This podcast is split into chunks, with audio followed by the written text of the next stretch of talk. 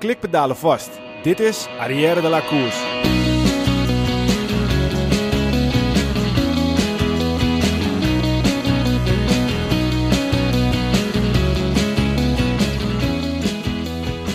Het seizoen is voorbij, maar lullen over wielrennen blijft natuurlijk het allerleukste wat er is. Onze komende podcast gaan over te gekke wielerverhalen vertellen.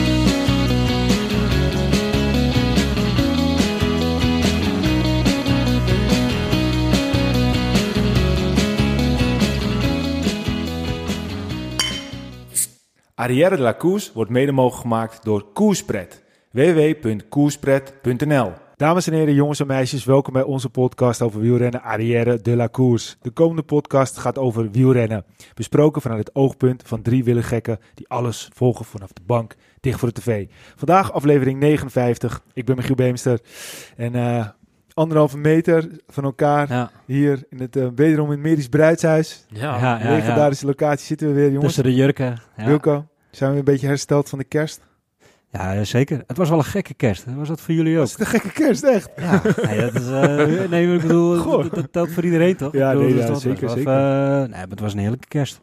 Ja, zeker. Veel te veel gegeten, maar Ja? ik denk dat het voor jullie... Ja, dat is altijd niet kerst. Ja, ik moet eerlijk zeggen, ik heb niet echt eh, te veel gegeten en te veel Nee? gedronken. Oh. Want normaal ga je dan naar familie toe en dan ga je daarheen en daarheen. Ja. nu ben je toch over het algemeen, ik was over het algemeen thuis. En ja, dan eet je wel, maar eh, ik moet eerlijk zeggen dat ik in het weekend altijd wat anders leef dan door de week. Dus bij mij was het niet echt anders. En je boodschap Ja. gedaan voor de hele familie. De hele kalkoen eh, besteld Ja, zeker. lekker koen staan. ja, ik had, moet wel zeggen, ik had van eh, een van mijn compagnons had ik een, wijn wijnspijsbox gekregen. Met allemaal verschillende wijntjes en allemaal verschillende kazen. En eh, nog wat chocolade erin. Die hebben we tweede kerstdag samen met- met mijn vrouw nog eventjes lekker opgepeuzeld. Ik moet zeggen dat niet alle kazen me heel erg bevielen. Eh, het is ook eh, geen aanrader als je een week Ja. al een box hebt staan met allemaal kaas erin. Die je dan eh, een week later pas gaat eh, Oh, opeten. ja. Maar ja, weet je, dat zijn altijd leuke dingen. En ja, ik moet zeggen, ik, ik ben, ben echt wel een rode wijnliefhebber. Dat weten we ook Ja, van onze podcast in Limburg hebben gedaan. En ik ben nu uiteindelijk toch wel erachter dat een Primitivo van het huis wat ik nu heb, jongens, dat is echt gewoon goddelijk. Ik weet dat er Barolo-fans zijn, Amarone-fans zijn, maar een Primitivo die ik heb, Ja. die gaan we toch een keertje hier ook Klein, aan, klein beetje kritiek gelijk. Waar is hij? We Ja, dat is waar, nu-. Je zit dus nu lekker te maken Nee, met een heerlijke wijn, maar eh, gasten, Het is een beetje dan? vloek in de kerk. Hè? Want kijk, Peter hier als, als broeder eh, Tuk, de wijn, de, de bierman. Ja. Ja, dan kan ik natuurlijk niet met een fles wijn komen, weet je wel. Ja, des te meer voor ons. Ja, dat is waar. Dat is waar. Nee, maar ik dacht, het is nu maandag als we opnemen. Het weekend is net geweest. het is maandag, ja. Het, de kerst is net geweest. Het Het is vierde kerstdag. Daarom. Ik dacht, weet je, normaal gingen we waarschijnlijk wel uit op deze dag. Vroeger. Ja, vroeger wel. Ja, ik, had, ik had dit weekend wel heel veel tijd om, eh, om te swiften. Dat, was, dat, Oh ja? dat heb ik nog nooit met kerst gedaan. Omdat je, dat ik zeg, je gaat langs familie, je doet dingen. Maar ik heb heel veel kunnen swiften. Ja. Ik heb, ik wel wat hard gelopen. maar eh zitten, dat heb ik echt al een tijd niet gedaan. De meestal als ik hem nu gewoon op mijn, op mijn rollen ze- zet, om het zo maar te zeggen. Op mijn, tenminste in mijn, in mijn, nou hoe noem je dat? De tax. Dan, dan doe ik Swift niet aan en kijk gewoon een serietje. Er zijn zoveel series nu die ik nog moet kijken. Dus Ja, ik doe beide. Ja. Ik heb en Swift aan en ik kijk serie.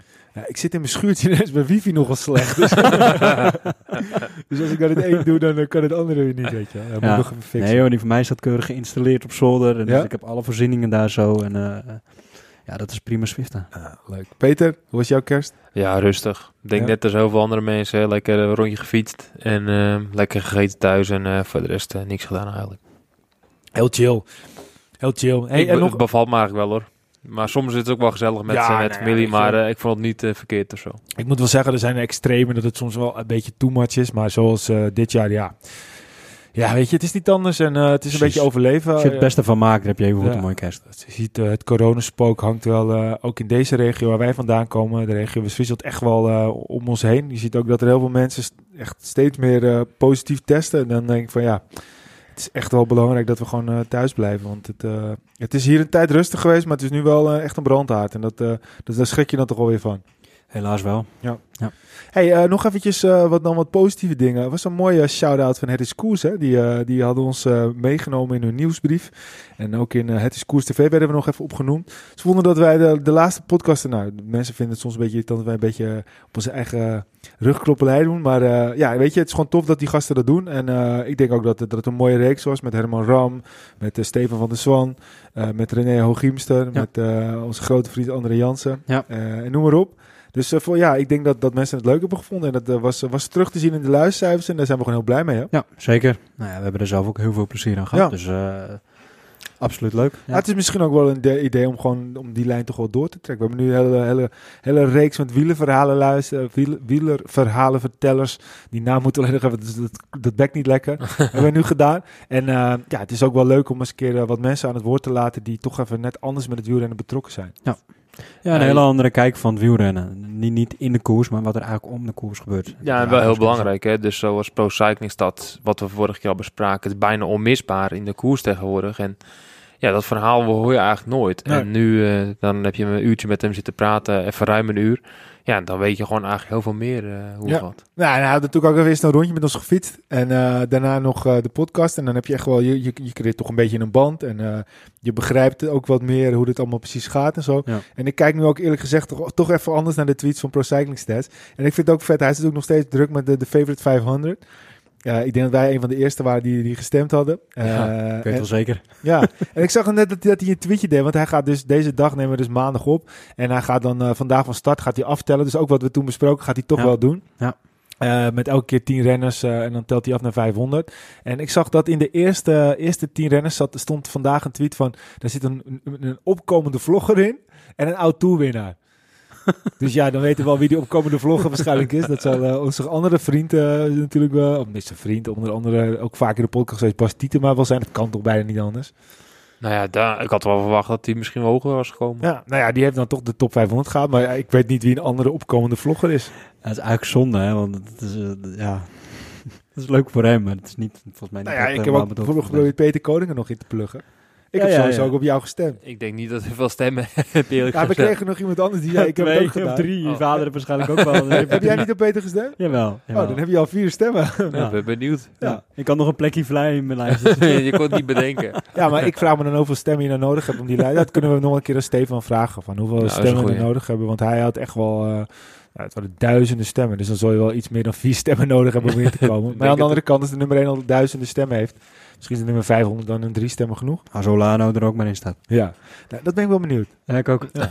ik, denk, ik denk het eerlijk gezegd Ik niet, maar niet, nee. eh, Nee, nee. dat doet er ook niet toe. Nee. Doet er ook niet toe. Hey, eh, wat anders natuurlijk wat er echt wel eh, echt in het, in het nieuws was de laatste tijd. Dat was toch weer Jumbo-Visma. Ja. de, de, de documentaire Code Geel van Kees Jonkind werd uitgezonden op tv. En eh, nou, we hebben hem eerst allemaal even gekeken voordat we met elkaar eh, het zouden bespreken. En eh, nou ja, goed, het is nu even een momentje. We hoeven niet allemaal de, analyse van de analyse te doen. Maar er vielen wel een paar dingetjes echt wel op hè, uit die documentaire. Ja, het ging eigenlijk het meest over Tom Dumoulin. Ja, En natuurlijk begrijpelijk dat de grote sterren zoveel mogelijk in beeld komen. Maar ik vond het zelf een beetje eentonig. Ik had wel een beetje flashbacks af en toe naar hoe het was in de bus. En ja, ik zei tegen die mevrouw ook van, ah, dit mis ik toch wel af en toe, Ja. weet je wel. Dat gevoel van eh, voorbespreken, nabespreken, dat soort dingen. Maar eh, ja, het ging eh, in mijn ogen veel te veel over Tom en over zijn problemen. En ik had heel graag willen zien hoe Geesink of Ja. Wout van Aert zich voelde. S ochtends opstaan bijvoorbeeld en iemand die een geintje maakt bij het ontbijt of dat soort dingen. Ja. Ja. dat zijn echt de leuke dingen die, die de renners zelf ook leuk vinden. nou ja, kijk, als je 500 uur, zat er 500 uur toch of zo? Ja, 100 zoiets. uur. Ja, in ieder geval heel veel uur. 100 uur zal het eerder zijn, denk ik. Heel veel uur opnames. En als dit er dan is, dan denk ik van ja, weet je, het, het viel me eerlijk gezegd een klein beetje tegen. Het, de- er werd een soort Ja. van, soort, een soort van eh, ja, beeld van Dumoulin geschetst dat hij alleen maar aan het zeuren was.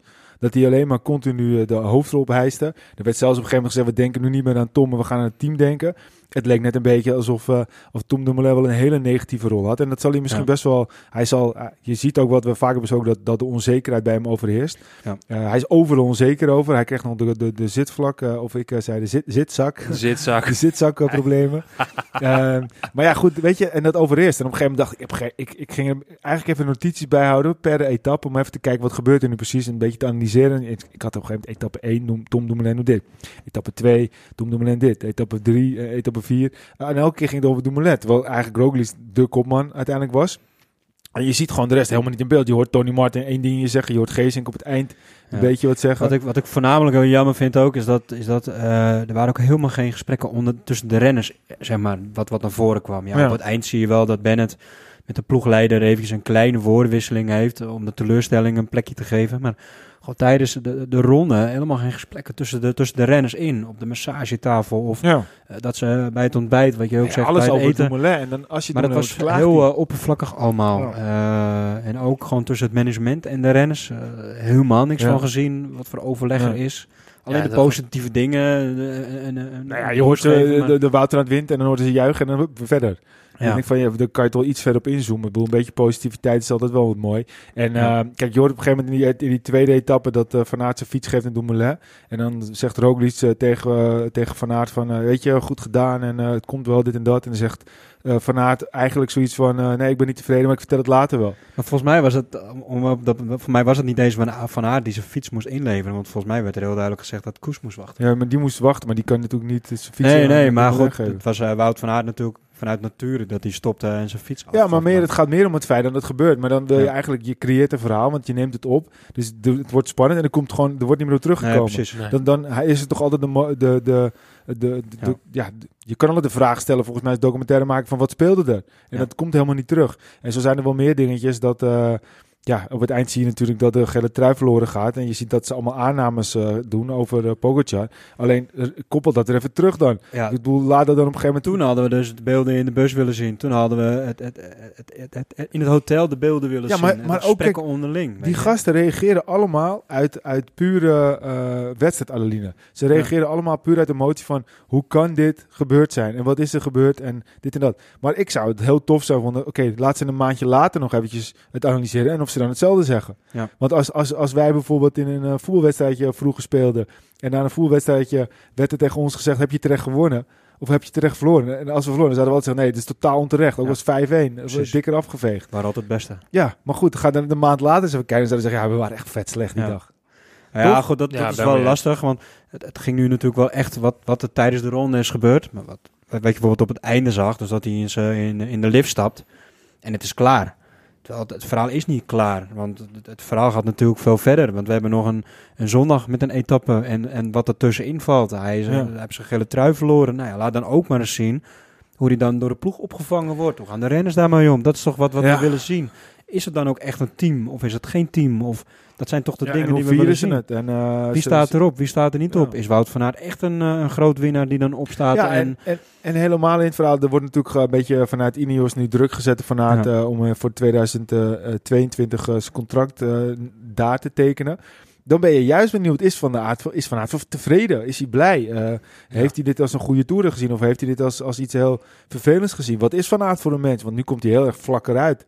En ik weet bijvoorbeeld de documentaire ooit over eh, Argo Shimano. Zie je ook dat Tom Dumoulin heel vlakker uitkomt. Dan is Kittel bijvoorbeeld heel lovend over Ja. hem. Zegt hij wat reed je hard. En dan zie je Tom heel rustig op de achtergrond. En Ja. nu zie je Tom heel dominant in die groep zijn. Op een negatieve manier. Maar ik kan me niet voorstellen dat over die 100 uur of hoeveel het is. Dat hij alleen maar negatief is geweest. Want Ja. hij zegt op een gegeven moment ook van. eh, de zitlakproblemen zijn weg. En eh, het voelt veel beter. En ik kan weer. dit, dit is een verademing. maar ik denk dat on- ongeacht de interesse van Ineos of andere ploegen, ik denk dat Wout prima op zijn plek zit en heel veel vertrouwen krijgt. Want dat zie je gewoon in zijn Ja, maar resultaten. dat, dat, dat weet ik. Maar dat wil ik zien. Dat zijn dingen die ik toch die je wil zien uit Ja. zo'n documentaire. Ik denk dat de muntjes gaat vooral op bij Wout. Eh, Ik denk dat die eh langer niet weggaat bij Jumbo. En eerder gaat er ook iets weg. En eh Groenewegen gaat weg. Dat soort Ja, jongens. daar gaan de muntjes ook wel bij, eh, bij, bij Jumbo krijgen. Ja, maar daarom.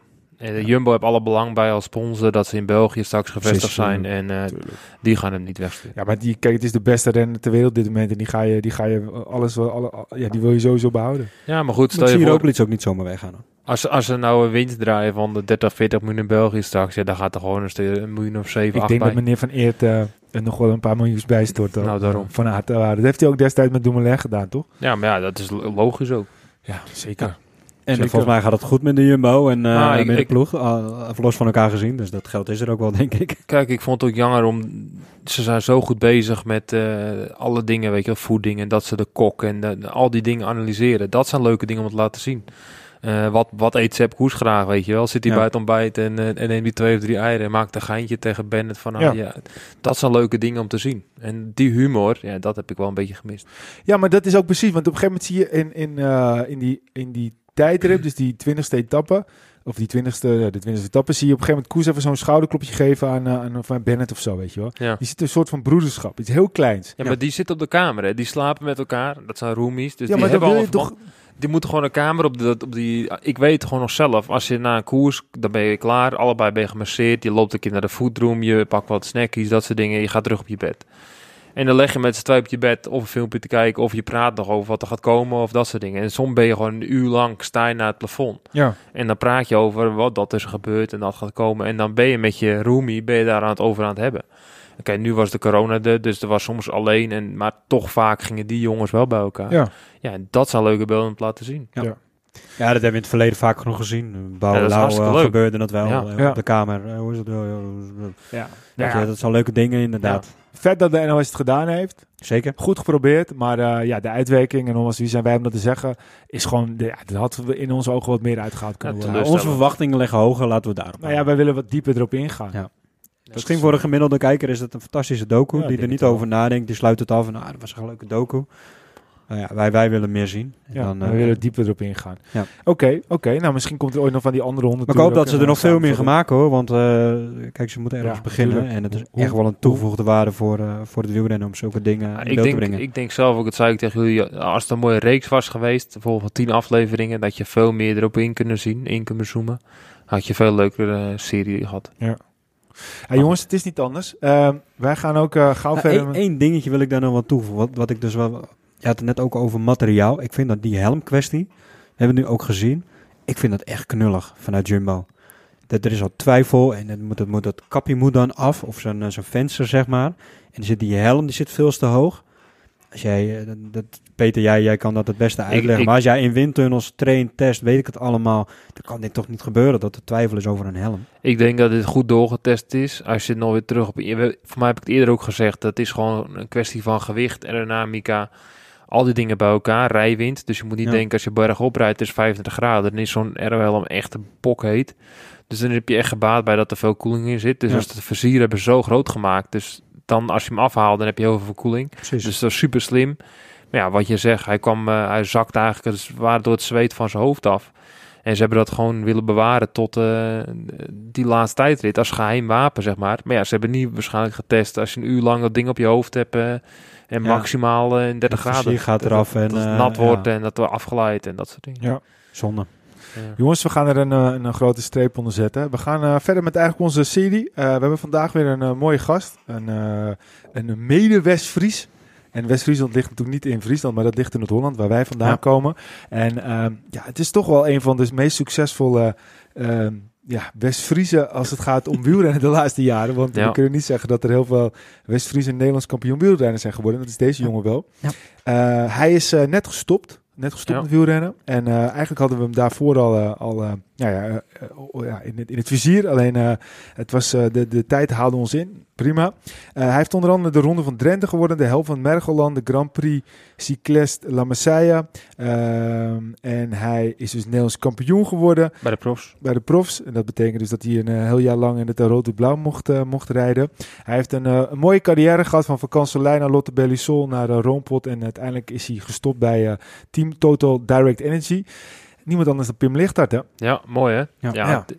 Het, is, ik zei voor de podcast tegen jullie al, eh, het is een soort iemand van eh, eh, een idool, zeg maar. Hè? Dus iemand die je dan, als je klein jongetje op het voetbalveld staat en dan zie je iemand van een hoger team spelen, denk je, oh, die is echt goed, weet je wel. Terwijl hij helemaal gewoon onbekend is, maar in het dorp is hij dan bekend. En ik had dat een beetje met Pim, dat ik dan klein mannetje was en dat ik dan stond te kijken van, oh, zal ik net zo goed worden als Pim, weet je wel, bij de club. En ja, uiteindelijk heb ik dat wel af en toe naast stiekem nagekeken.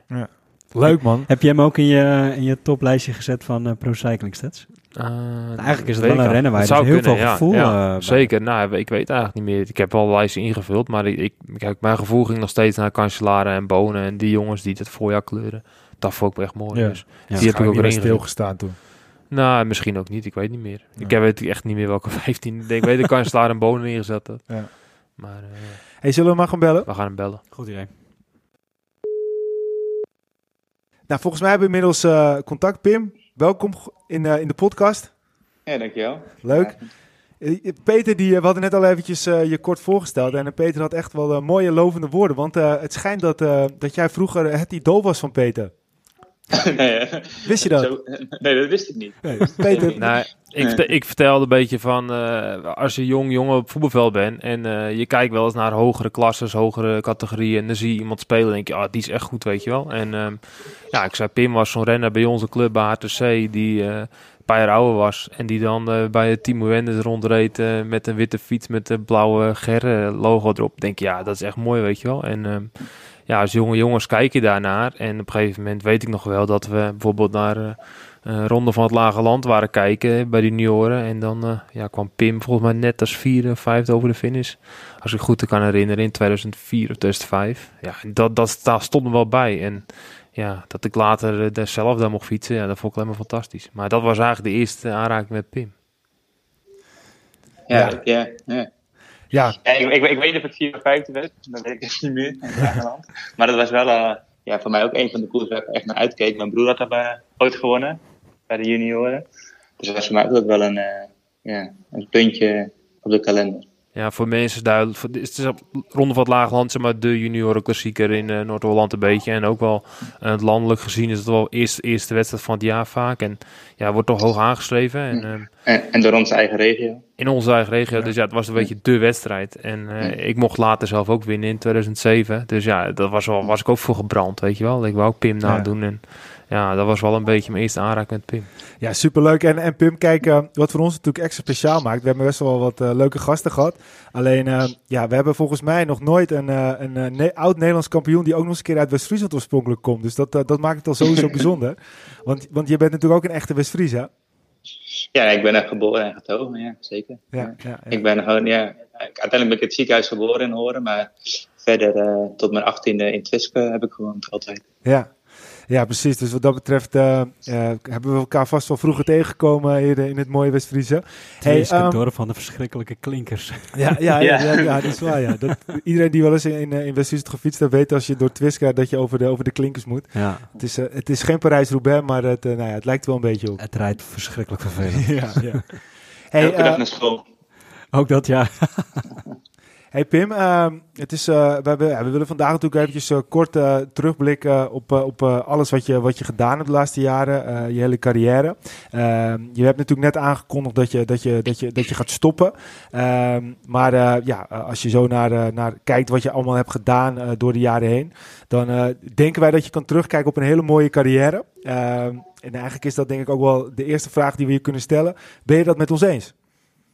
Ja, eigenlijk wel. Ja ik denk dat ik gewoon uh, uh, ja, dat ik een hele mooie tijd heb gehad als wielrenner. En uh, ik ben er zeker trots op.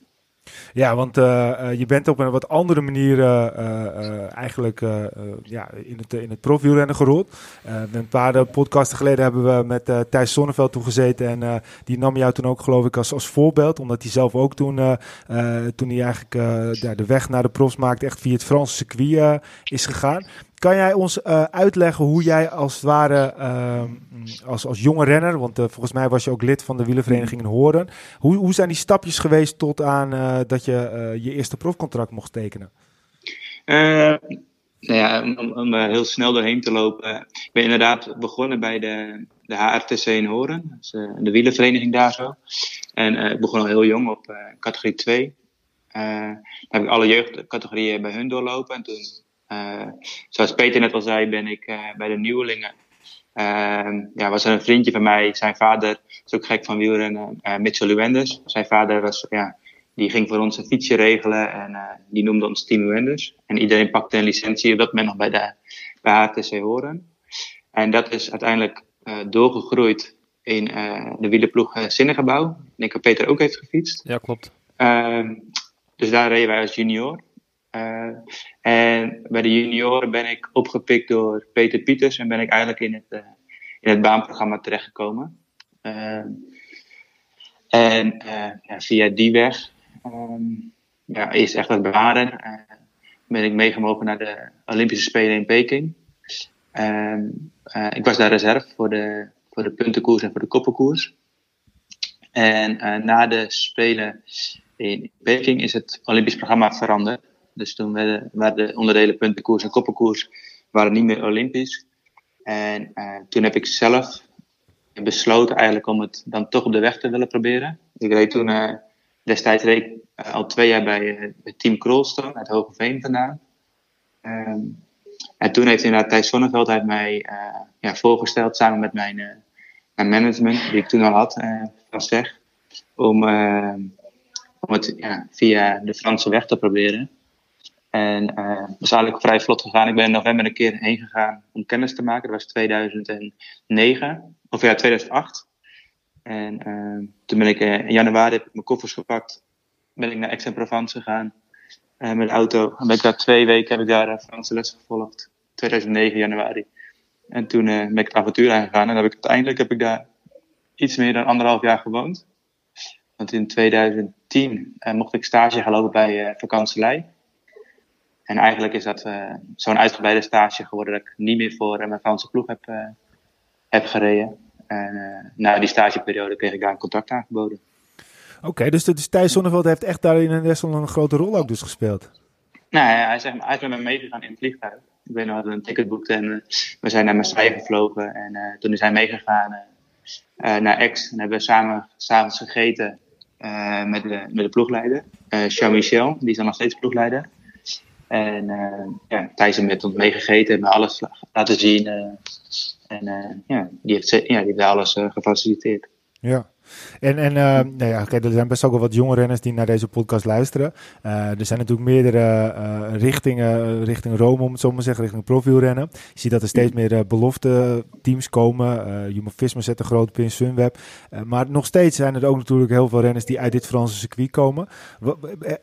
Als je daar nu zo op terugkijkt, want je kan nu terugkijken op, op je carrière, 2009 hebben we het over. Um, zou, je dat, zou je dat jonge renners nog steeds aanraden? Ehm, je moet er wel echt, echt voor openstaan en klaar voor zijn. Want je gaat gewoon een hele andere cultuur in. Uh, ja. Ik was al heel veel aan de reis, want ik zat gewoon in de, in de nationale baanselectie bij Peter Pieters. Uh, dus ik was al veel onderweg. Ik, heb, ik had al veel van de wereld gezien. Uh, ik was ook al veel van huis. Maar als jij gewend bent om altijd je was te laten doen door je moeder en je boterham te laten smeren door je moeder, ja, dan is het echt een hele grote stap. Maar je gaat echt, je stapt echt in het diepe je komt gewoon, ik kwam gewoon zelf in een appartementje. ik, ja, deed alles zelf. Ik deed zelf mijn boodschappen, ik ging zelf mijn, mijn was doen, ik ging zelf koken. Er is niemand die je helpt op dat gebied. En nou, ik kreeg gewoon een berichtje van, luister, vrijdagochtend moet je je om 7 uur op de club melden. En dan rijden we naar de koers toe. dus in Frankrijk gaat hele grote afstanden. Wat wij altijd met, de, gewoon met het busje van de ploeg deden. Dus vaak op vrijdag zaten we 7, 8 uur ja, op de baan. Omdat de meeste koersen waren toch in Normandië, Bretagne, meer in het noorden van Frankrijk. nou, dan kwamen we daar vrijdagmiddag aan, gingen we naar een uurtje losrijden. Zaterdag, zondag koersen. En zondagmiddag na de koers reden we weer 7, 8 uur terug. Dus ja, het is best wel een grote stap in het diepe. En als, ja, als je nu ziet hoe goed de begeleiding in Nederland is met alle, ja, ik denk bijna professionele ploegen. Uh, Jumbo-Visma, de opleiding, uh, Sunweb, zeg, die een hele mooie ploeg heeft. Ja, moet je wel echt, moet je er echt, echt klaar voor zijn en open voor staan om het avontuur aan te gaan. dus het moet echt een hele wel, ja, wel keuze zijn, denk ik, op dit moment. Ja, precies. Dus je moet wel best wel al, uh, al, al, veel dingetjes uh, zelf uh, qua ontwikkeling hebben bereikt. Wil je, wil je zo'n stap gaan maken? En um, ja, kijk, je was natuurlijk wat dat betreft al een tijdje bezig op de baan. Je had al de ervaring van 2018 of 2008 dat je, dat je als reserve naar Peking mocht. Um, en in 2010 kon je dus de overstap maken naar uh, Vakantselijn. Toen nog een de pro-continentale team. Um, waarom wilden ze jou hebben? Wat, was, wat, waren de resultaten? of wat was het, het plan waarbij ze, naar, waar ze keken om jou als het ware dat, dat, ja, dat stagecontract aan te bieden? Nee, ik had eigenlijk in, in het, het, eerste deel van 2010 had ik echt wel heel goed gereden in de Nations Cup wedstrijden. Ik werd derde in de Col Picardia, tweede in de Telem Tour. en ik was gewoon, ja, op dat moment was ik ja, vast onderdeel van, die, van de nationale ploeg met de belofte. Dus ik reed ook de Baby Giro. Ik was mijn uh, meeste wedstrijd in Portugal. Ik reed eigenlijk gewoon het hele circuit. En um, uiteindelijk hebben wij, zijn we met de Franse ploeg zijn we naar Holland gekomen. Of naar Nederland gekomen. En hebben we uh, de Ronde van Holland gereden. en de Anna Wallard eh, Memorial. En uh, in Anna Wallard zat ik in de kopgroep. En uiteindelijk werd ik ook nog zesde, terwijl we wel terug werden gepakt. En toen heb ik smiddag daar al in de bus, want de kanselij deed er ook. Heb ik toen mijn stagecontract mogen tekenen. En ja, waarvoor ze mij dat gunden, ja. Omdat het gewoon goed ging, denk ik. ja. En, en, en dus dat, wat, wat ging er dan door je heen? Was het dan, eh, kijk, het lijkt me dat het altijd het doel was geweest om, om profwielrenner te worden. Nou, dit was dan een, een stagecontract. Maar ik kan me wel eventjes voorstellen dat je bent natuurlijk relatief jong daar nog. Uh, heb, je, heb je dan niet gewoon op dat moment het kippenvel als je zo'n contract tekent? Of, of, of, of, is dat te extreem? Ja, ja, dat is wel raar. Want in, in, die, in de winterperiode daarvoor ben ik mee geweest met Cofidis, trainingskamp.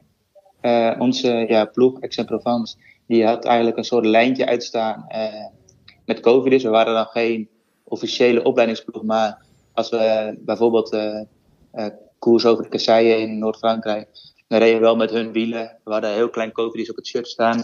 Dat, dat, die link was er altijd. En in de winter ben ik, ja, iedereen mocht zeg maar een dagje mee trainen met de beurt met de ploeg. En ik mocht er echt twee weken mee op stage toen had ik eigenlijk altijd het idee van, nou, uh, de makkelijkste weg gaat uh, via Covidis zijn. Alleen, uh, ja, Daan Luikse was er eerder bij. En die heeft mij de kans gege gegeven om daar stagiair te worden.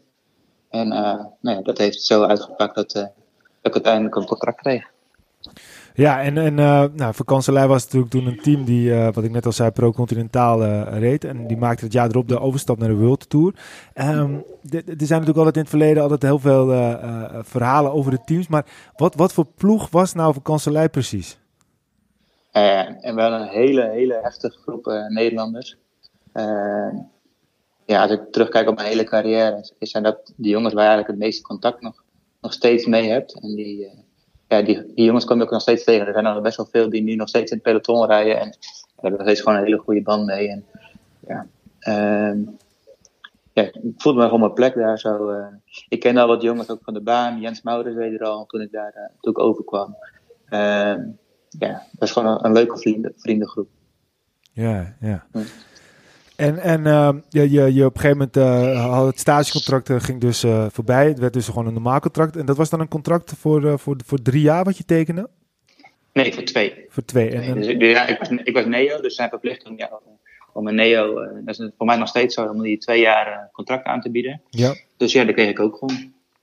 Ja, precies. En eigenlijk in het jaar 2011 ehm, start je dan volgens mij inderdaad, dan ben je Peter, dan ben je neo. Ja. Ja, nee, dat is onder 23. En, ja. en als je dan nu gaat, gaat terugkijken naar, uh, we hebben even Pro Cycling Stats voor ons, dat, dat was meteen echt een, uh, een, een, van je beste seizoenen volgens mij. Ja, dat is wel grappig, want ik, uh, ik, ik moest starten in de grote prijs van Marseillaise. Dat was volgens mij, ja, wat is het? Is het eind januari? Of, ja, eind januari. En dan kwam ik buiten tijd binnen. En, maar ik wist dat ik daarna, had ik een maand lang, ja, had ik geen programma. Ehm, dus ben, daarna ben ik samen met Wout Poels zijn wij 18 dagen naar Benidorm gegaan. En hij werd uh, keihard getraind. En uh, de volgende koers was uh, de grote prijs Amarie. En daar reed ik gelijk podium. Dus ik kwam wel echt gelijk binnen met, ja, ja, met goede papieren. Dat, je bent wel goed ja. op de hoogte van je uitslagen. Ja, ja. ja. Nee, maar, ja, kijk, uiteindelijk, ja, ik, ben, ja, ik heb vorige week aangekondigd dat ik ermee stopte. Dus ik heb bij mij de laatste maand ook wel even mijn carrière, ja, mijn eigen gedachten gepasseerd. En want ik zit er mooi mee te kijken met wat je ja, aan vertellen bent. Ja, ik was zoveelste daar, ik was zoveelste daar. Ik denk, het klopt ook allemaal, maar we hebben het gewoon over tien jaar geleden. Oh, ja, ja, ja ik, ik, ik, moet, ik, en ik, ik moet uh, toegeven, ik heb, uh, ik heb niks voor me staan. Ik heb geen laptop voor me, dus het zit er wel uh, redelijk ja, in. Ja, ja. maar dat is, dat is ook wel weer wielrennen eigen. Ik heb wel eens het idee dat wielrenners echt gewoon niet alleen over, over hun eigen uitslag, maar gewoon over de uitslag in het algemeen, dat, dat ontzettend goed in hun hoofd hebben. En ook de tijdsgeest daarbij. Want daarna, daarna reed je dat jaar inderdaad de GP Samin. Weet je dan ook nog hoeveel je daar weet of niet? Nee. Oké, oké. nou, Ja, weet goed. je wat mooi is? Pim, Pim is een heel in- intelligente renner. Hè? Dus eh, ik weet nog wel goed dat hij heel veel dingen doordacht. Als hij bijvoorbeeld de puntenkoers in eh, op de baan was dat zo goed. Omdat hij zoveel nadacht al een paar stappen vooruit. Of hij telde mee. En ja, dan zie je gewoon dat iemand dus ook slim rijdt. En ik denk dat Pim wel heel veel gebracht heeft. Dat hij juist zo, eh, zo slim reed altijd. Weet je wel. Waar kan ik energie besparen daar? Als ik bij hem in het wiel zit, zit ik meer aan de wind bij een ander. Terwijl ik meer Ja. renner was van uh, huppakee op kop, een beetje beuken. En Tim, Pim was altijd heel bedacht en berekenend. En ja, dan ben je ook gewoon een intelligente renner. En dan zie je dit soort dingen, dan is je dat ook gewoon die intelligentie komt gewoon weer terug. En hoe zou je, hoe zou je dan eh, Pim eh, omschrijven? Als wat voor soort renner? Nou, Pim was een beetje een renner die eh, een beetje puncheur-achtig type renner. Dus in een groep van 20, 30 man was hij echt heel snel. En ik denk dat hij daar ook, wat hij net zei in Almeida, dat hij derde wordt. Ja, dan moet je gewoon rap zijn. Dat is, staat bekend om een, een koers waar veel sprints altijd goed doen. En ja, dan, dan doe je er zomaar tussenin rijden. En de andere zegens die hij hebt gehaald, heb je ook gewoon in de sprint volgens mij. En een paar keer dat hij de laatste paar kilometer wegrijdt. Klopt dat, Pim? Koers. Ja, meestal wel, maar ik moet ook, ik moet ook eerlijk toegeven. eh, ik was nooit een veelwinnaar bij de, bij de jeugd. Eh, en eh, als baanrenner leer je al heel snel eh, om finales te rijden, omdat je op de baan is natuurlijk, is, ja, zijn, zeker bij de, bij de nieuwelingen en junioren, je start en je zit gelijk in de finale. Dus ik denk dat dat mij zeker heeft geholpen in het begin van mijn carrière. Ja, en daarna wordt, is hij gewoon gevaarlijk. Hè? Dus je ziet ook dat hij Nederlands kampioen wordt bij de profs. In 2011 geloof ik. En daar, dan heb je ook gewoon de sprint gewonnen. En dan, dan weet iedereen gelijk wie, wie het is. Ja. En dan eh, rij je gelijk om de vergrootglas. En dan, eh, dan moet je het ook laten zien. Ja, want je neemt nu in één keer eh, een flinke stap. Eh, we zijn nu inmiddels in 2011 aangekomen. En eh, ja, eigenlijk wij als West-Friese eh, is dat ook meteen natuurlijk... eh, was dat echt een fantastisch hoogtepunt die dag. Ik, ik moet eerlijk zeggen, ik heb ook staan, staan juichen. Eh, maar kan je ons nog eens een keer meenemen naar die, naar die 26 juni eh, 2011? Hoe, hoe, wat, hoe ging die dag? Eh, ja, het was, best wel een, een rare dag, omdat er een hele grote koopgroep wegdeed. eh, in het begin. Werd je, smo- maar werd, werd je 's morgens om even helemaal ervoor te brengen, werd je al wakker met het gevoel van, ja, de benen die zijn echt top vandaag. Ik, ik, ik ga vandaag Nou, echt wel eh, kans maken om, eh, om een hele goede uitslag te rijden. Nou, ik weet wel dat ik dus eh, een dag eerder dan de rest van de ploeg ben ik heen gegaan. Ehm, dus iedereen kwam op zaterdag aan en ik ben zelf ben ik, eh, ben ik vrijdag al naar het hotel gegaan samen met Jens Maurits. En toen zijn we, eh, ja, om gewoon heel goed op zaterdag gewoon op het gemak nog een keer een verkenning laten doen. Ehm,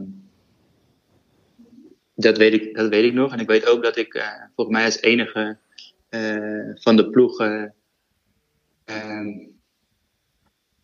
ja, me, eigenlijk best wel heel rustig hield in het begin. Om ook gewoon, ja, voor mezelf eigenlijk best wel zeker was van ik ga hier gewoon een finale rijden. En dat is mijn kans om, om de koers te winnen.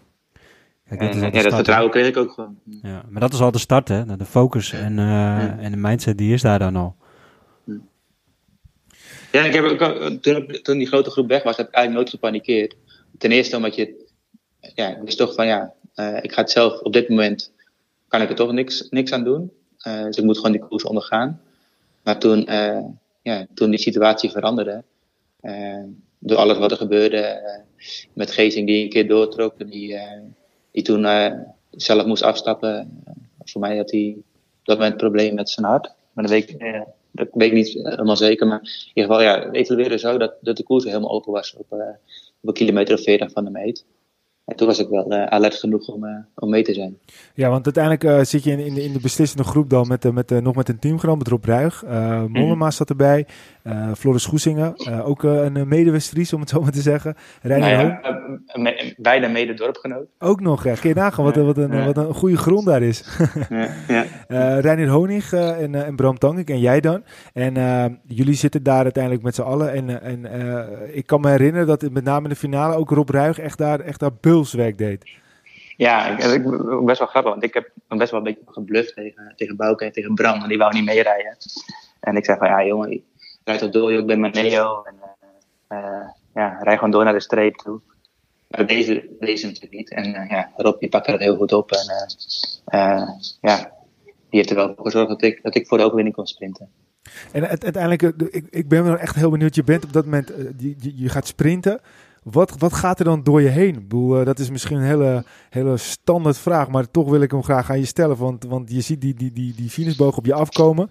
Wat, en, en je denkt misschien van, ik kan Nederlands kampioen worden. Wat, wat, wat, wat, wat, gevoel heb je dan? Ja, ik denk alleen maar van, ik moet gewoon zo snel mogelijk naar die streep toe. En eh, dat is rechtdoor, recht, recht toe.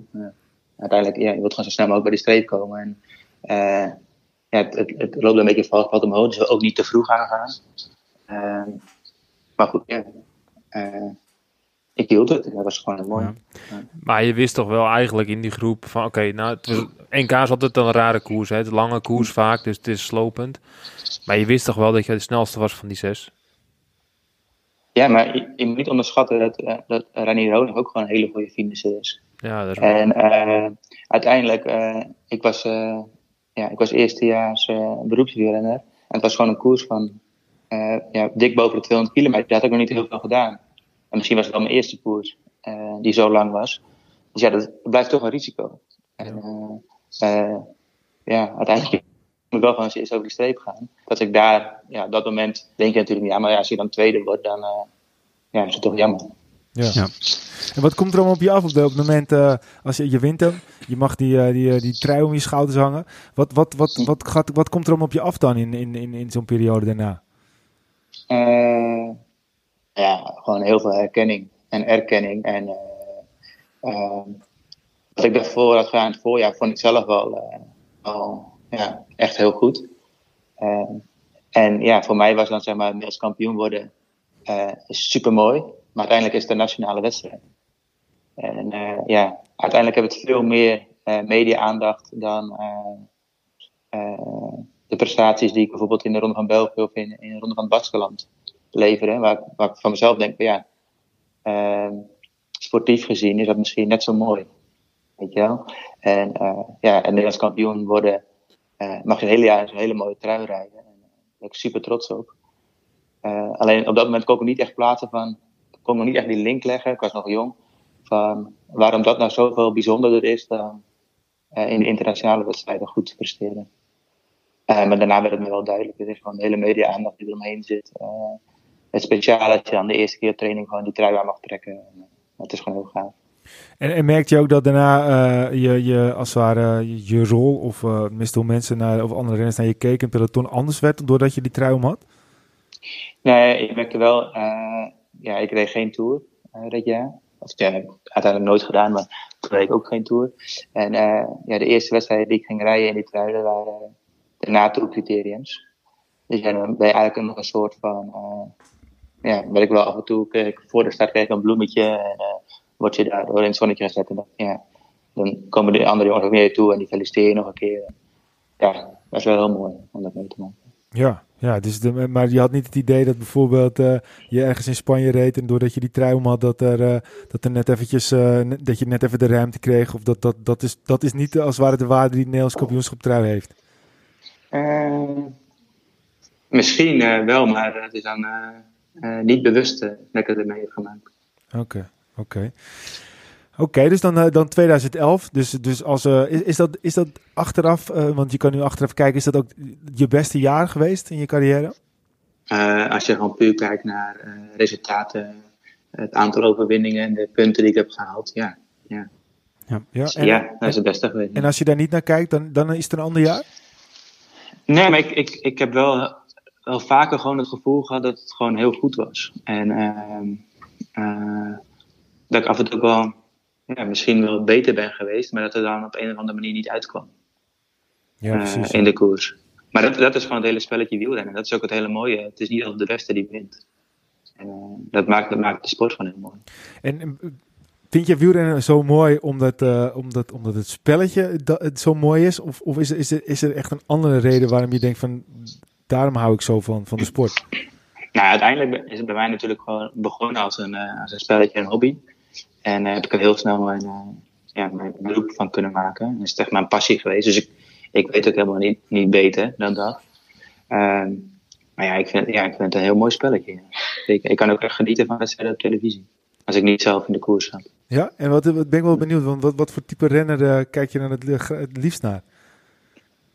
Ja, weet je, ik kan heel erg genieten van een massasprint. Maar ik kan ook ja, van de klassieker kan ik echt uh, onwijs genieten. Ik vind zelf het. Ik heb heel veel respect voor de klassementsrenners.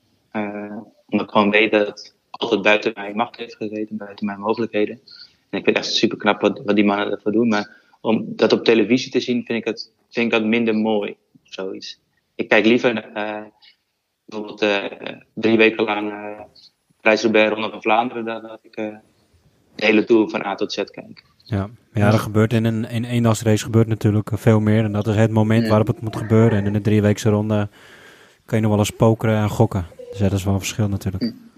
Ja, en ik ben, ik ben ook wel benieuwd, want je hebt, je hebt twee keer de Giro gereden, vier keer de Vuelta, drie keer uh, uh, Parijs-Roubaix, één keer Luik-Bastenaken-Luik, drie keer uh, Milaan-San Remo, vijf keer de Ronde van Vlaanderen, één keer de Ronde van Lombardije dat zijn dan de allergrootste koers, om het even te benoemen. Is er dan ook nog iets in koers waarbij jij echt een zoiets van had van, nou, dat vond ik zo geweldig en dat het zal me altijd bijblijven? Nee, ik vond de mooiste koers had om te rijden van de Amstel. Dat vond ik echt het allermooiste. Uh, dus ja, denk ik in dat rijtje. Uh, maar ja, ja, ja, kijk, de sfeer van de Ronde van Vlaanderen kan je gewoon met niks vergelijken.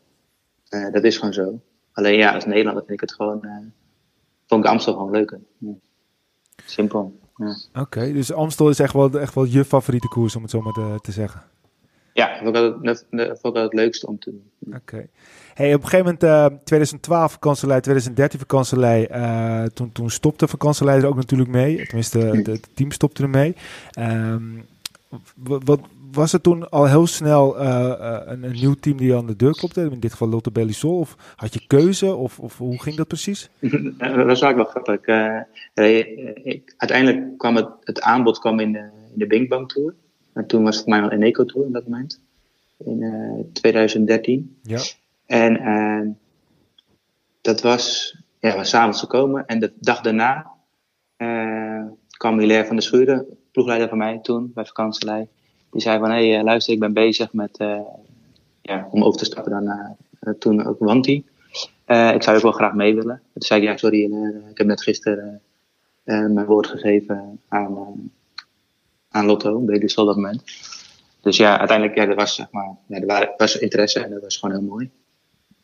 Uiteindelijk, ja, is het Lotto geworden. Ja, en, en uh, ja, de vakantielei, een beetje de, de Nederlandse vrijbuitensploeg uh, met, met wat uh, exotische andere renners erbij, om het zo maar even te zeggen. En dan kom je eigenlijk in, in, in, een, in een Belgisch team terecht. is dat dan heel anders? Ja, het was wel, was anders, ja. ja zeker. uiteindelijk ga je gewoon een groep, wat hadden wij, twaalf Nederlanders denk ik op een gegeven moment. en werd ik de enige Nederlander. Dus dat is, dat is totaal anders. En uh, bij vakantie natuurlijk ook wel een, een, eh, een Belgische groep erin zitten. Uh, maar ja, ja het, was gewoon, het was gewoon een hele andere, was gewoon een andere ploeg. bij vakantielei had ik mijn eigen trainer. Ik werd getraind door Robert de Groot, die nu bij de opleidingsploeg van Jumbo-Visma zit. En bij Lotto was het allemaal intern geregeld. Dus ehm, werd ik ja, echt onderdeel van het team. En, en wat je natuurlijk vaak hebt met, met Belgische teams, dat er echt wel, ja, wat dat betreft, een hele andere cultuur heerst. Echt nog wel van oudsher. Uh, vaak uh, ook een beetje dat, dat, dat de renners misschien een beetje wat worden gemoederd, om het zo maar te, te, te zeggen, of bemoederd. Uh, heb je dat ook altijd zo ervaren, of vind je dat soort, soort, soort, ja, soort verhalen echt eigenlijk een beetje kul? Nee, ik, ik vond het wel heel leuk hoor. Ik heb natuurlijk heel veel, ja, een paar voorjaar, voorjaarskoers mogen doen. En dat, dat leeft echt, hè. Eh, de persconferenties al voor de verkenning van, eh, van, van, de, van het nieuwsblad. Eh, ja, ja, die sfeer is gewoon heel anders als je binnen een Belgische ploeg zit dan bij en welke andere ploeg dan ook. Ja, klopt het ook als je bij een, een, een, een, een ploeg als Lotto rijdt, dat je veel meer op jezelf bent aangewezen? Je, je, je hoort en leest tegenwoordig dat ploegen op hoogtestage gaan als, als team zijnde. En dat ze er hm. twee of drie weken ook echt gaan zitten. Uh, ja, dat heb ik bij Lotto ook gedaan. We zijn toen naar Levino geweest met de hele ploeg. Toen de rest van de, de, ploeg in de Tour zat. dat hebben we zeker gedaan met Lotto. En bij Lotto werden we, ja, werd ik getraind door, door een trainer van de ploeg.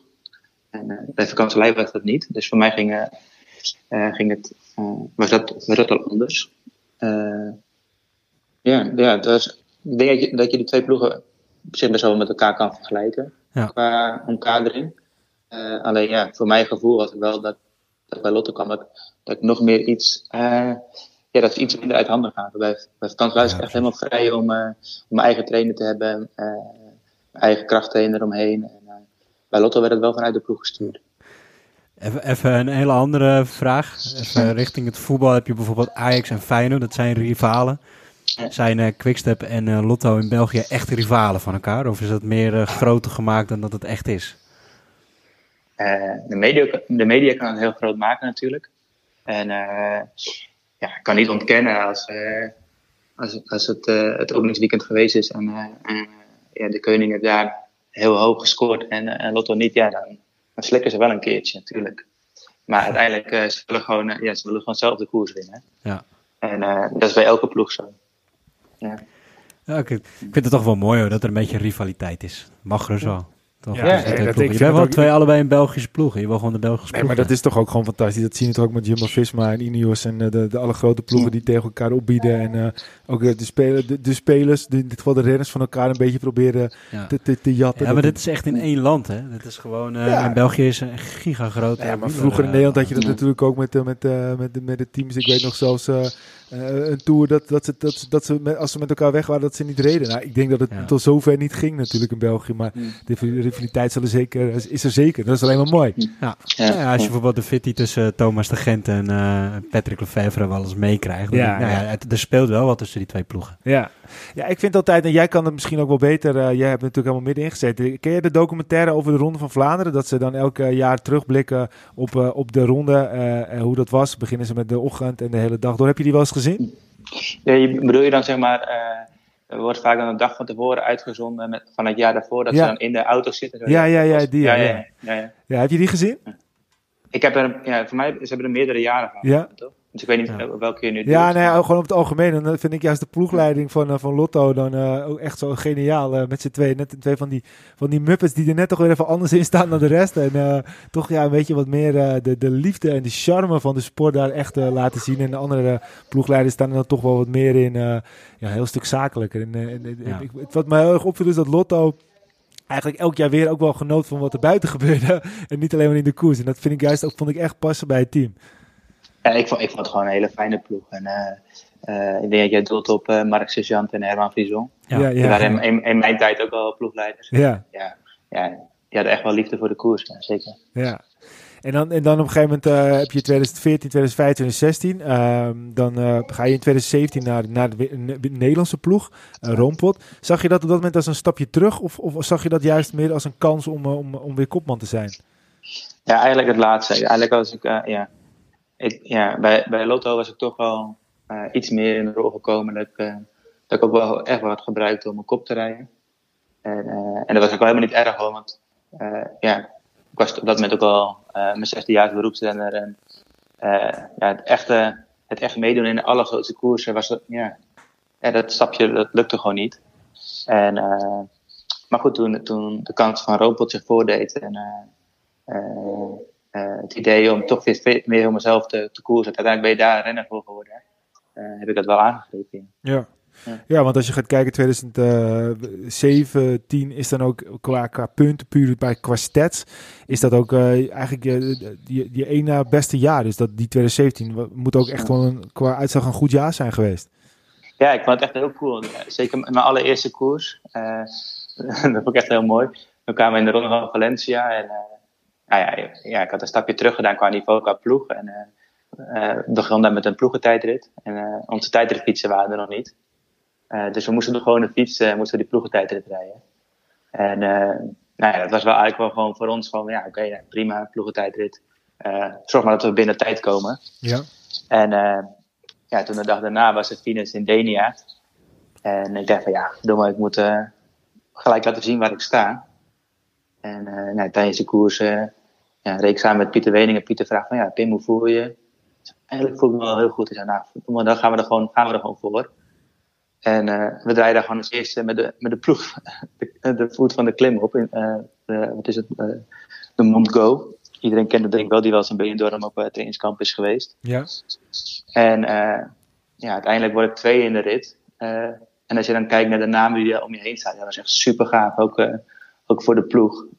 je zit gewoon in de groep met Roglic, met een Quintana, met Scaponi, met Erik Mas. ja, toen dacht ik van ja, dit is echt supergoed dat ik deze stap heb gemaakt. En, eh, ja, dat, dat dit niveau kan halen. Ja. Want die wedstrijd werd gewonnen door de Tony Martin. En Ja. eh, jij werd daar tweede. Maar inderdaad, je klopt daar Roglic die daar derde wordt. De La Cruz, Scarponi, Antunes, Quintana, Van Avermaet, Joubert, eh, Koert en, en Stibar. Nou, dat zijn niet de... En Nasa ook nog. Dus dat, dat, dat Ja. is echt gewoon natuurlijk een supermooi resultaat daar. En inderdaad, wederom kloppen bijna alle namen die je nog in je hoofd hebt. Dus dat is ook mooi om te zien. Ja, maar dat- was ook gewoon echt voor mij van de bevestiging van ja, ik heb het, ja, deze keuze heb ik gewoon goed uitgepakt. En eh, ja, dat was voor mij bevestiging van ja, ik, kan dit gewoon, ik kan het voor mezelf. En eh, die bevestiging had ik nodig. En eh, ja, daarna is het niet helemaal uitgekomen in die lijn doorgezet. Maar ja, op dat moment had ik wel vrede met de beslissing die ik genomen had. Ja. Ja. Nou, daar heb je twee jaar gezeten en dan, dan toch op een bepaalde manier. Ik vond het best wel, wel verrassend. Misschien kan je zelf uitleggen dat het, dat het totaal niet verrassend misschien is. Eh 2019 dat je dan nog eh, naar, naar Total Direct Energy gaat. Hoe, hoe kom je daar zo terecht? Eh, nou ja, 2018 eh, reed ik eigenlijk een hele goede eh, Tour de Fjords op een gegeven moment. En eh, toen reed in de, eh, in de ronde van Luxemburg, eh viel ik heel hard. En eh, op dat moment ja, ging het privé ook wat, wat minder. Mijn vriendin werd heel erg ziek. En zaten eigenlijk best wel ja, in, een, in een put eigenlijk. Ehm, en nou ja, op een gegeven moment had mijn management een deal kunnen maken voor, voor Nicky Terpstra. die de Ronde van Vlaanderen had gewonnen dat jaar. Eh, dus die gingen een stap maken naar een, eh, eh, een Franse ploeg. En eh, ja, die vroegen eigenlijk aan mij, omdat ik Nicky al heel lang ken. Nicky was ook mee geweest eh, op de Olympische Spelen in Peking. eh, heb ik heel veel de baan mee gekoerst. eh, eh, komt daar bij ons uit, uit de regio vandaan, van vroeger. En eh, ja, die vroegen eigenlijk, omdat ik de, ja, taal sprak, van... eh, hey Pim, eh, zou je dat zien zitten om met hem mee te gaan? En eh, nou ja, op dat moment... eh, eh, ja, dat, wij, dat ik daar ja, eigenlijk nog revaliderend was van mijn val, kwam dat nieuws. En ja, op dat moment als zo'n ploeg ja, zoveel vertrouwen geeft, ja, kon ik eigenlijk geen nee zeggen. Zeker als de, als winnaar van de Ronde van Vlaanderen je meevraagt om, om naar ja, een nieuw avontuur aan te gaan, kon ik daar gewoon geen nee tegen zeggen. Was dat ook al het jaar dat Roompot toen ging stoppen? Of was dat het jaar daarna dan weer? Nee, die, hebben- die hebben nog een jaar doorgereden. die hebben nog een jaar doorgereden. Ja. Ja, dat moet toch ook wel echt een- op een bepaalde manier een hele grote eer zijn dat inderdaad dan Terpstra gewoon jou graag mee wil hebben naar, naar die ploeg. Ja, het heeft, gewoon, ja, het heeft natuurlijk gewoon met heel veel factoren te maken. Eh, we hebben hetzelfde managementbureau. We kennen elkaar echt al van jongs af aan. Eh, ik ja, ken, ken Nicky al vanaf... eh, dat was wel een leuk verhaal.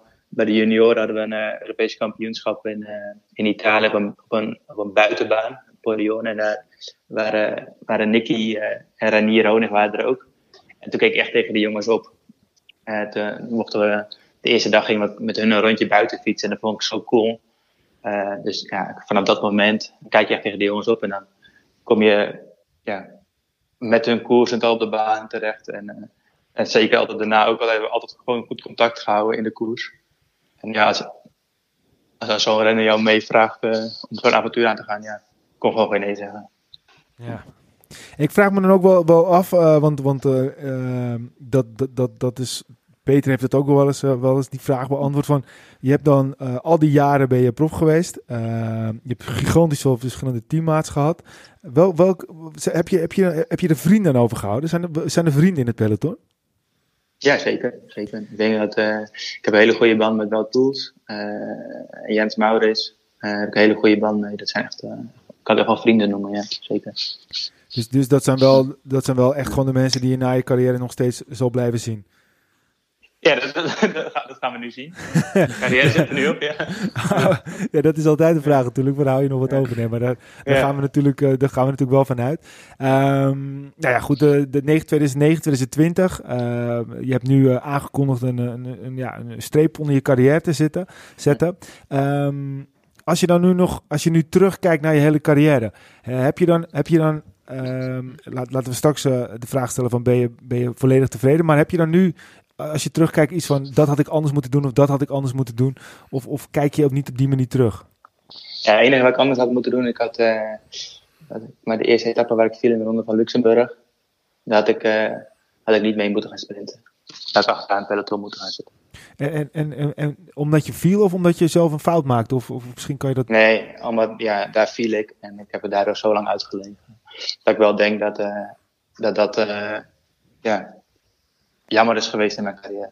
En dat, eh, ja, uiteindelijk heb ik daar een heel groot deel van 2018 door verloren. Eh, die blessure kwam terug in 2019, eh, net na het kampioenschap van Nederland. En toen heb ik weer een heel groot deel van het, dat jaar verloren. En toen ben ik eind 2019 ben ik eraan geopereerd. En ja, nu, nu 2020 eh, eh, dacht ik dat het gewoon weer heel goed ging. En het voelde ook gewoon weer echt goed. Alleen eh, ja, is het nu einde carrière. Ja, en, en is dat dan een keuze? Had je, had je wel nog doorgewild eventueel? Of is het echt gewoon nu go- goed genoeg voor je? Eh, ja, als, er- als, er, eh, als er voor mij plek was geweest, had ik nog wel doorgegaan. Ja. ja. En, en, en dan, dan, dan, dan was dat misschien het, het wat, je, wat, je niet, wat je anders had willen doen. Maar wat is dan iets wat je absoluut nooit had willen missen? Wat je hebt gedaan, wat je denkt, nou, dit was, dat was zo vet. Oh nee, ik heb echt eh, in mijn hele pad vind ik echt super gaaf. En eh, eh, ja, inderdaad, gewoon het hele het avontuur aangaan in Frankrijk. en daarna, ik heb, gewoon, ik heb gewoon hele mooie ploegen gehad. Ik heb hele mooie uitslagen gereden. En ik heb heel veel mooie dingen meegemaakt. Zeker ook al voor de tijd dat ik prof werd. in de baanselectie heb ik echt super gave trainingskampen gehad. Ja, bijna de hele wereld gezien. Eh, we hebben een super gaaf trainingskamp in Zuid-Afrika gehad. Met de baanselectie. We hebben een super gaaf trainingskamp in, in eh, LA gehad. eh, Los Angeles. En ja, dat zou ik echt nooit, willen, nooit hebben willen missen. Ja. En, en ehm, wat is nu, wat, wat, wat gaat je carrière worden na het doen? Heb je daarover nagedacht of is die er al?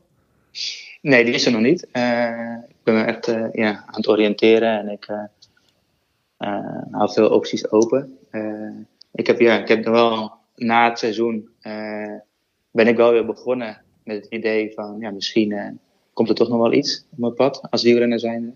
Dus ik ben ook wel be- begonnen met trainen. Eh, maar op een gegeven moment ja, hebben we gewoon de keuze gemaakt samen met mijn management ook met zeg. ja, dat het, dat goed geweest is. En ja, nu ben ik aan het rondkijken, aan het rondluisteren eh, wat er mogelijk is. En is dat dan ook iets in het wielrennen of is dat, moet, moeten we dat, iets, is dat wordt iets heel anders? Eh dat zou zomaar in het wielrennen kunnen zijn. Oké, oké, oké. Peter, als je het zo hoort, het verhaal. Jij hebt vorig jaar natuurlijk, eh, ja, ben je min of meer gestopt, nu, nu, nu, nu Pim gestopt. Welke West-Friese renners zijn er nu nog over? Nou, je hebt Jetsen nog. Jets, ja, bij- Echte West-Friesland, hè? weet je, West-Friesland-Oost, laat ik het zo zeggen. Maar eh, ja, je had eh, de vereniging Thomas Dekker, eh, Huub Duin hebben ze geweest, Floris Goesingen geweest. Toch wel echt een hele grote groep jongens eh, die een beetje, ja, misschien net voor de bekende periode dat al die jonge jongens nou goed zijn, zeg maar. Maar toch echt heel veel West-Friesen die heel goed waren. En eh, ja, Pim was daar zeker één van. En eh, ik denk dat Jetsen nu nog, eh, ja, eigenlijk woont hij in Spanje, maar het is nog steeds de West-Friese route natuurlijk. Ja, ja. Ja, en ik, ik ben trouwens nog wel, eh, benieuwd, Pim. Eh, weet, jij, weet je met welke renners jij het meest hebt gekoerst? Eh, gewoon in een koers? Ja, in, in totaal. Dus wat de, de meeste racedagen. Nee, geen idee. Ja, want Nee. totaal geen idee? Nee. Oké, Nee. want Nee, ik, ik, ik ben best wel een renner die eh, bijna alle koers al heeft gereden. En dat zijn er ook niet heel veel. Want, want je hebt in totaal 130 dagen eh gekoerst met Rob Ruig. Die, daar heb je het meest mee gekoerst. Oh, echt? Ja, Die, die zat toch al een beetje gestopt. ja, en eh, daarna eh, 96 dagen met eh, Chris eh, Boekmans. En 95 dagen met eh Sean de Bie. Oh, maar als ploegmaat zijn of gewoon überhaupt in een koers? Ik denk, Ja, dat- is ploegmaat, denk ik. ja, ik denk als ploegmaat. Ja, ja, teammates. Ja, dat zijn je Oh, ploegmaten. als teammates. Ja, ja, teammates, ja. ja. ja. Ja. Dus maar als je dat rijtje ziet, dan zijn het er ook echt, eh, echt eh, aardig wat geweest. Want eh, door de jaren heen heb je 164 verschillende ploegmaten gehad. En, en, en één dag gekoerst met Ricardo Rico. En- mijn allereerste wedstrijd waar ik eh buiten tijd was. Da- ja, dat zou waarschijnlijk kunnen, ja. ja, Ja, ja. Ja. En ik dat weet ik nog, ja, dat is wel leuk.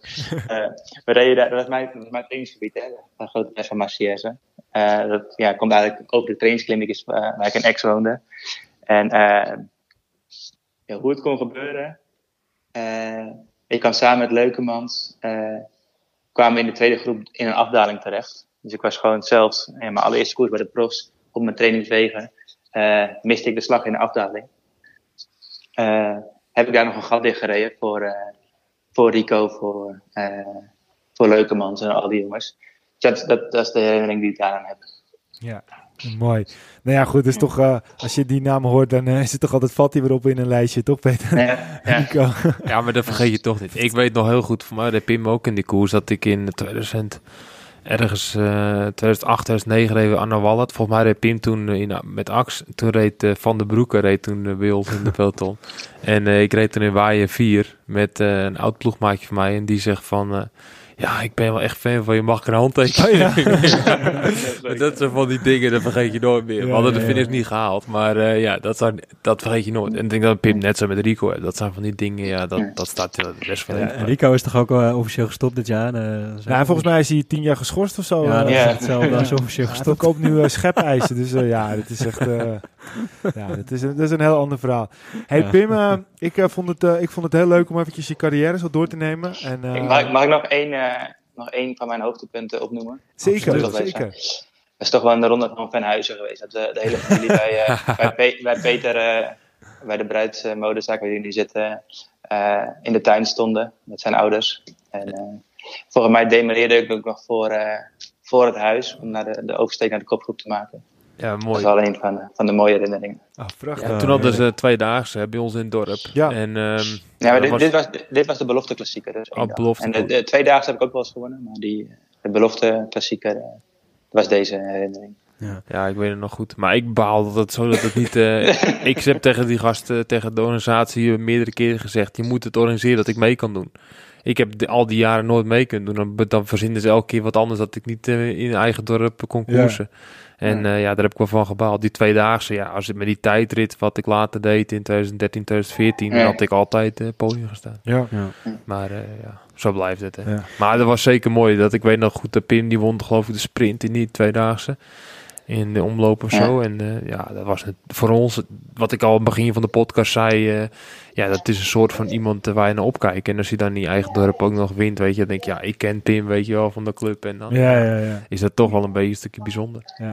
Ja, dat is toch wel zo. Kijk, eh, als er iemand uit de regio op een gegeven moment eh, goede resultaten begint te rijden en eh, het, het Noord-ons dagblad eh, begint te kleuren, dan blijf je dat toch volgen. Dus ik denk, Ja. dat, ja, ik denk dat wij ook, eh, ik spreek ook voor Wilco, denk ik, toch altijd eh, jou hebben gevolgd. En eh, dat was toch gewoon heel bijzonder om te zien. En eh, daarom is het ook mooi dat, eh, dat we je eventjes in de podcast konden hebben en dat, je even, dat, dat we je carrière konden doornemen. En eh, ja, hartstikke bedankt daarvoor. Waar ik ook wel benieuwd naar ben. We hebben natuurlijk Ja. laatst hebben we Pro Cycling Stats hebben we in onze podcast gehad. En die heeft, de, die heeft zo'n lijst in het leven geroepen van eh, eh, 500, de beste 500 renners aller tijden.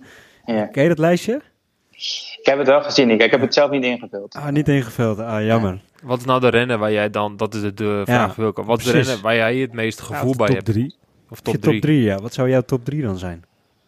Ja, moet ik dan gewoon ja, zeg maar, de favoriete renners van mezelf? Of zeggen Van jezelf. eh, Ja, waar jij het beste gevoel bij hebt. Waar jij het meeste, Ja, meeste maar, mee hebt. ja, maar dat, Ja. Dat, ja, dat is best wel lastig. Want als ik gewoon puur kijk, emotioneel, eh, ja, weet je wel, dan heb ik gewoon, wat ik zei, heb ik het meeste gehad met, eh met Wout Poels, met Jens Maurits, eh eh, dat soort jongens. Eh, daar heb ik gewoon het meeste mee gehad. En, eh, eh, ja, het zijn niet... Het zijn Geen niet, het Deense zijn niet- renner of zo. Of een Abraham Olano. Ik had Wilco weer. Nee, ik, moet- ik moet ook zeggen, ik heb, vro- ik heb vroeger ook nooit een poster boven mijn bed gehangen. Ik heb nooit eh, een idool gehad, of zoiets. Dus Ja, maar- nee, maar- ja. Nee, ja. Maar het Nee, kunnen, dat kun- kan toch ook, dat, eh, kijk, Poels en Maurits, eh, dat zijn toch ook gewoon dan, dan die namen die heel belangrijk voor jou geweest. Ja, ja. het is een lijstje voor altijd. Kijk, ik heb eh, in het lijstje heb ik Peter neergezet, omdat ik de enige prof wielrenner is die ik ken. ja, maar goed, Ja, nee, maar ja, ja, ja, dat, dat, ja dat, dat zou wel zeg maar, mijn, mijn favorite, favorite lijstje zijn. Inderdaad. Ja, Gewoon jongens waar ik heel veel mee heb. En, Ja, ja, dat is mooi. Ik, ik, ja, tuurlijk is het, eh, heb ik vroeger ook naar Indurain gekeken en naar Amsterdam gekeken. Eh, ja, ja, dat is niet de reden waarom ik bij ga fietsen. En eh, die andere jongens heb ik een veel warmer gevoel bij dan bij, bij, dat, soort, bij dat soort renners. ja. Nou ja, goed. Ik denk dat het een hartstikke mooie afsluiter is op die manier. En eh, ja, nogmaals, eh, nogmaals bedankt. En eh, het, ga, het ga je goed. En we hopen dat je een mooie job eh, kan vinden na het wielrennen. En we hopen ook, als het in het wielrennen is, je zeker nog een keertje in de podcast te hebben. Ja, en eh, in de hoedanigheid blijven we je zeker volgen. Top. Dankjewel. Ja, Pim, Dankjewel. bedankt hè. Doeg, tot ziens. hoi. Zo, weer een. West-Fries minder.